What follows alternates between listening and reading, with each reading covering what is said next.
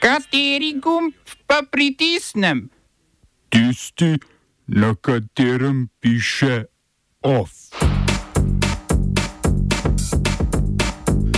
Vlada škodo avgustovskih poplav ocenila na 10 milijard evrov. Ministrstvo za delo kljub meščevi obljubi ne bo dvignilo subvencij za študentske bone. Sklenjen memorandum za plinovod med Slovenijo in Mačarsko. Nemčija reaktivirala že zaprte termoelektrarne.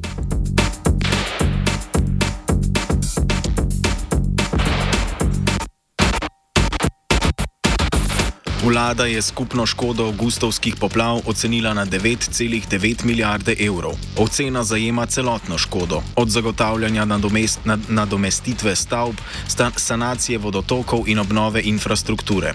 Kot je povedal ministr za kohezijo in regionalni razvoj Aleksandr Jevšek, je ocena ključna za pripravo vloge za pridobitev financiranja iz Evropskega solidarnostnega sklada. Poplave so po oceni vlade prizadele 183 občin in več kot 17 tisoč km2. Vlada torej ocenjuje, da so poplave prizadele skoraj 85 odstotkov površine države. Škodo so ocenili po metodologiji, ki vključuje oceno fizičnih in gospodarskih izgub ter potreb prizadetih ljudi za obnovo.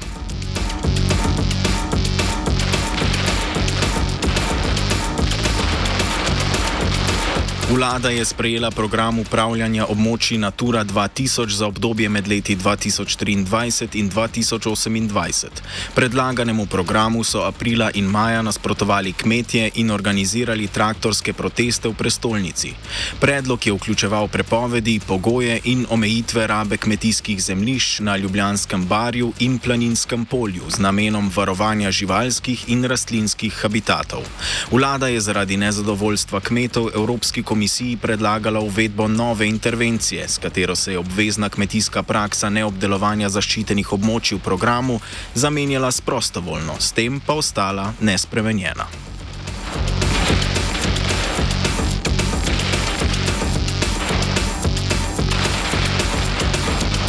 Predsednik vlade Robert Golop je pojasnil razloge za razrešitev kmetijske ministrice Irene Šinko in za odstop ministra za naravne vire in prostor Uroša Brežana. Kot razlog za razrešitev ministrice je Golop navedel odsotnost ustreznega in pravočasnega reagiranja v situacijah, ki so pomembne za zaščito potrošnikov na področju varnosti hrane. Po, premire, po premijevi oceni so ministrica ni pravilno odzvala na krizo povezano z neskladno in nevarno hrano in o tem ni pravočasno obvestila širše populacije. Gre za postopanje uprave za varno hrano v primeru uvoza in prodaje breskov iz Srbije in sliv z Polske, ki so vsebovale prepovedani pesticid. Za ministra Brežana je premijer dejal, da je njegov odstop povezan z avgustovskimi poplavami. Kot je pojasnil, je bilo v tem času treba reorganizirati delo na marsikaterem ministrstvu, na ministrstvu za naravne vire in prostor pa reorganizacija ni stekla pravilno in dovolj hitro. Začasno bo kmetijski resor prevzel ministr za obrambo Marjan Šarec, ministrstvo za naravne vire in prostor pa ministrica za infrastrukturo Alenka Bratušek. Urož Brežan je ob odstopu opozoril na sprejemanje všečnih, a škodljivih odločitev. Predvsem pa naj povem, da me skrbi področje urejanja prostora, saj tudi v kontekstu popoplavne obnove ponuja dve skrajni možnosti na eni strani dolgoročne rešitve, ki so strokovno utemeljene in družbeno sprejemljive, na drugi strani hitre, všečne rešitve, pogosto koristile posamičnim interesom, dolgoročno pa družbi in posameznikom prinašajo veliko več škode kot koristi. To je tudi lekcija, ki nam jo je narava dala zadnje poletje. Zato je pred odločevalci velika odgovornost, ki daleč presega le neposredno prizadete v poplavah. Gre za širok družbeni konsens o prostoru in naši prihodnosti, ki ga lahko dosežemo le skupaj s stroko, angažirano civilno družbo in lokalnimi skupnostmi. Rešitve pa morajo biti v najširšem javnem interesu. Kot so sporočili iz Ministrstva za delo, letos ne predvidevajo dviga subvencij za študentske obroke. Januarja je minister Luka Mesec napovedal, da bo subvencijo dvignil na 4,5 evra. Januarja je ministrstvo namreč zvišalo najvišjo dovoljeno ceno študentskega obroka za 2 evra, dvig subvencije pa bi razliko delno pokril. Neizpolnjena obljuba prihaja v luči znižanja proračuna ministrstev za prihodnji dve leti z namenom zagotovitve denarja za financiranje sanacije sanacije po poplavah. Najbolj bo svoje odhodke znižalo Ministrstvo za delo, ki bo v letih 2024 in 2025 privrčevalo skupaj skoraj 100 milijonov evrov. Kako komentira ta prelomljeno obljubo ministra Mesca, smo vprašali domna vrhovnika, člana opozicijskega poslanskega kluba Glas v Ljubljanskem študentskem zboru. To stanje je enako, kot je bilo januarja lani, v bistvu mečkam popravljeno, identično temu, kot je bilo po tistem minimalnem znižanju maksimalnega doplačila subvencije strani študentov. In zdaj tista pirova zmaga, ki jo je študentska organizacija Slovenije izbojevala, mislim, da februarja, marca lani, leto, lani mislim, letos, da se bodo študentske subvencije dvignile, je postala ena živa katastrofa. Ministrstvo je seveda svojo obljubo, kot smo zdaj že navajeni, požrlo. Um, študentska organizacija je pa v bistvu pokazala, da je nesposobna zagovarjati in braniti študentske interese. V bistvu vse to se kaže, da nimajo neke prave strategije in niti analize trenutne situacije študentske prehrane. Um, letos se pravi, prevreditve sistema ni bilo.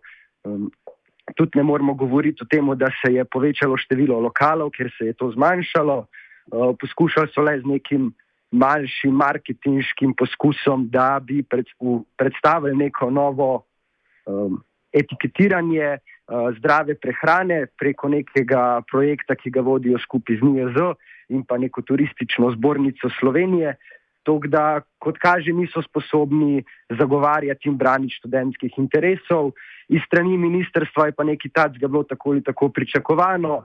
Um, zdaj, v naslednjih letih se bo najverjetneje po, ponavljal, ta izgovor, da denarja za študente ni, uh, ker bo treba sanirati državo po poplavah in podobno. Um, tako da mislim, da je situacija pričakovana, je pa po moje čas, da se ministrstvo ali pa druge pristojne institucije počasi obrnejo na neke druge organizacije, ki mogoče tukaj lahko ponudijo neko alternativo, ki je študentska organizacija seveda ne more. Kot glavni način boljše oskrbe študentske populacije s hrano, vrhovnik predlaga menze. Tem študentske prehrane ni več ustrezen, ni trajnostno naravnan, ni vključujoč do vseh uh, manjšin ali pa do vseh skupin študentstva, ki trpijo z nekimi boleznimi, prehranskimi motnjami in ostalim. Tok, da mislim, da se pred nami vedno bolj kristalizira alternativa študentskih menz kot tiste prave, prave poti pri reševanju težav in krize študentske prehrane. Policija bo v drugi polovici leta 2024 kupila sistem ABIS, ki bo omogočal samodejno forenzično primerjavo obrazov storilcev kaznjivih dejanj s fotografijami iz evidence fotografiranih ljudi. Sistem ABIS bo namenjen identifikaciji osumljencev na podlagi posnetkov zajetih z varnostnih kamer. Primerjavo bo policija izvajala v nacionalnem forenzičnem laboratoriju, medtem ko se bo material z neznanimi podobami obrazov zbiral na policijskih upravah, izvajajo preiskovanje kaznjivih dejanj. Sistem ABIS bo omogočal tudi preverjanje videoposnetkov. Prav tako bo policija posodobila komunikacijski sistem Tetra, tako da bo deloval prek interneta na mesto prek radijskih valov. Sistem ABIS bo za primerjavo uporabljal fotografije iz evidenc fotografij, ki jih policija hrani na podlagi zakona o kazenskem postopku.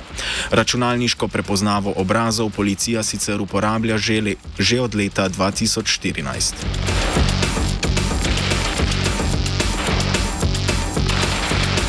Ministr za okolje, podnebje in energijo Bojan Kumer in mađarski ministr za zunanje zadeve in trgovino Peter Sijarto sta podpisala memorandum o sodelovanju obeh držav na področju oskrbe s plinom.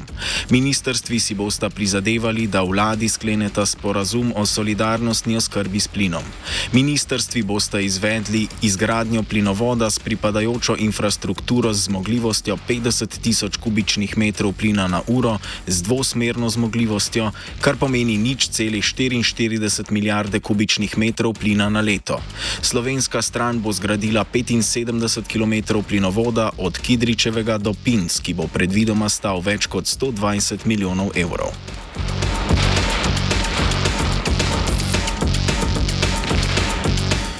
Pri fosilnih virih energije ustrajajo tudi v Nemčiji. Tamkajšnja vlada je ponovno obudila del, del termoelektrarn, ki so bile predtem ugasnjene. Poleg tega je podaljšala delovanje termoelektrarn, ki jih je obdržala pri življenju zaradi sankcij proti Rusiji in posledični zmanjšani dobavi zemljskega plina lansko zimo.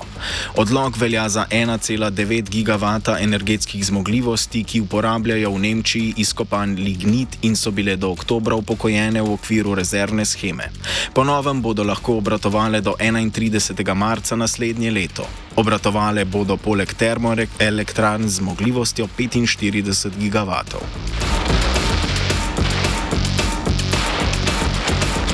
Več kot 70 tisoč medicinskih sester in ostalih delavcev v zdravstvu zaposlenih pri zdravstveni organizaciji Kaiser Permanente v Združenih državah Amerike je začelo s tridnevno stavko. Koalicija sindikatov zasebne zdravstvene družbe Kaiser Permanente se je za stavko odločila potem, ko družba ni uslišala njihovih zahtev in zato, ker se z njimi ni pogajala v dobri veri. Koalicija sindikatov zahteva predvsem zvišanje plač in povečano število zaposlenih zaposlitev, ki bi razbremenila zaposlene. Stavka bo ohromila delo predvsem v zvezdni državi Kalifornija, kjer je tudi večina zdravstvenih ustanov Kaiser Permanente. Družba je za izpolnitev vrzeli pripeljala na tisoče začasnih delavcev. Francosko obrambno ministrstvo je sporočilo, da se bo francoska vojska ta teden začela umikati iz Nigra. Umik prihaja potem, ko se je francoski veleposlanik pod pritiskom vojaške hunte vrnil nazaj v Francijo. V Nigru se trenutno nahaja okrog 1400 francoskih vojakov. Gre za drugi umik francoske vojske iz Afrike letos, potem, ko se je v začetku leta umaknila iz Burkina Fasa. Umik vojske iz države je zahtevala vojaška hunta, ki je v Nigru prevzela oblast oblast konec julija.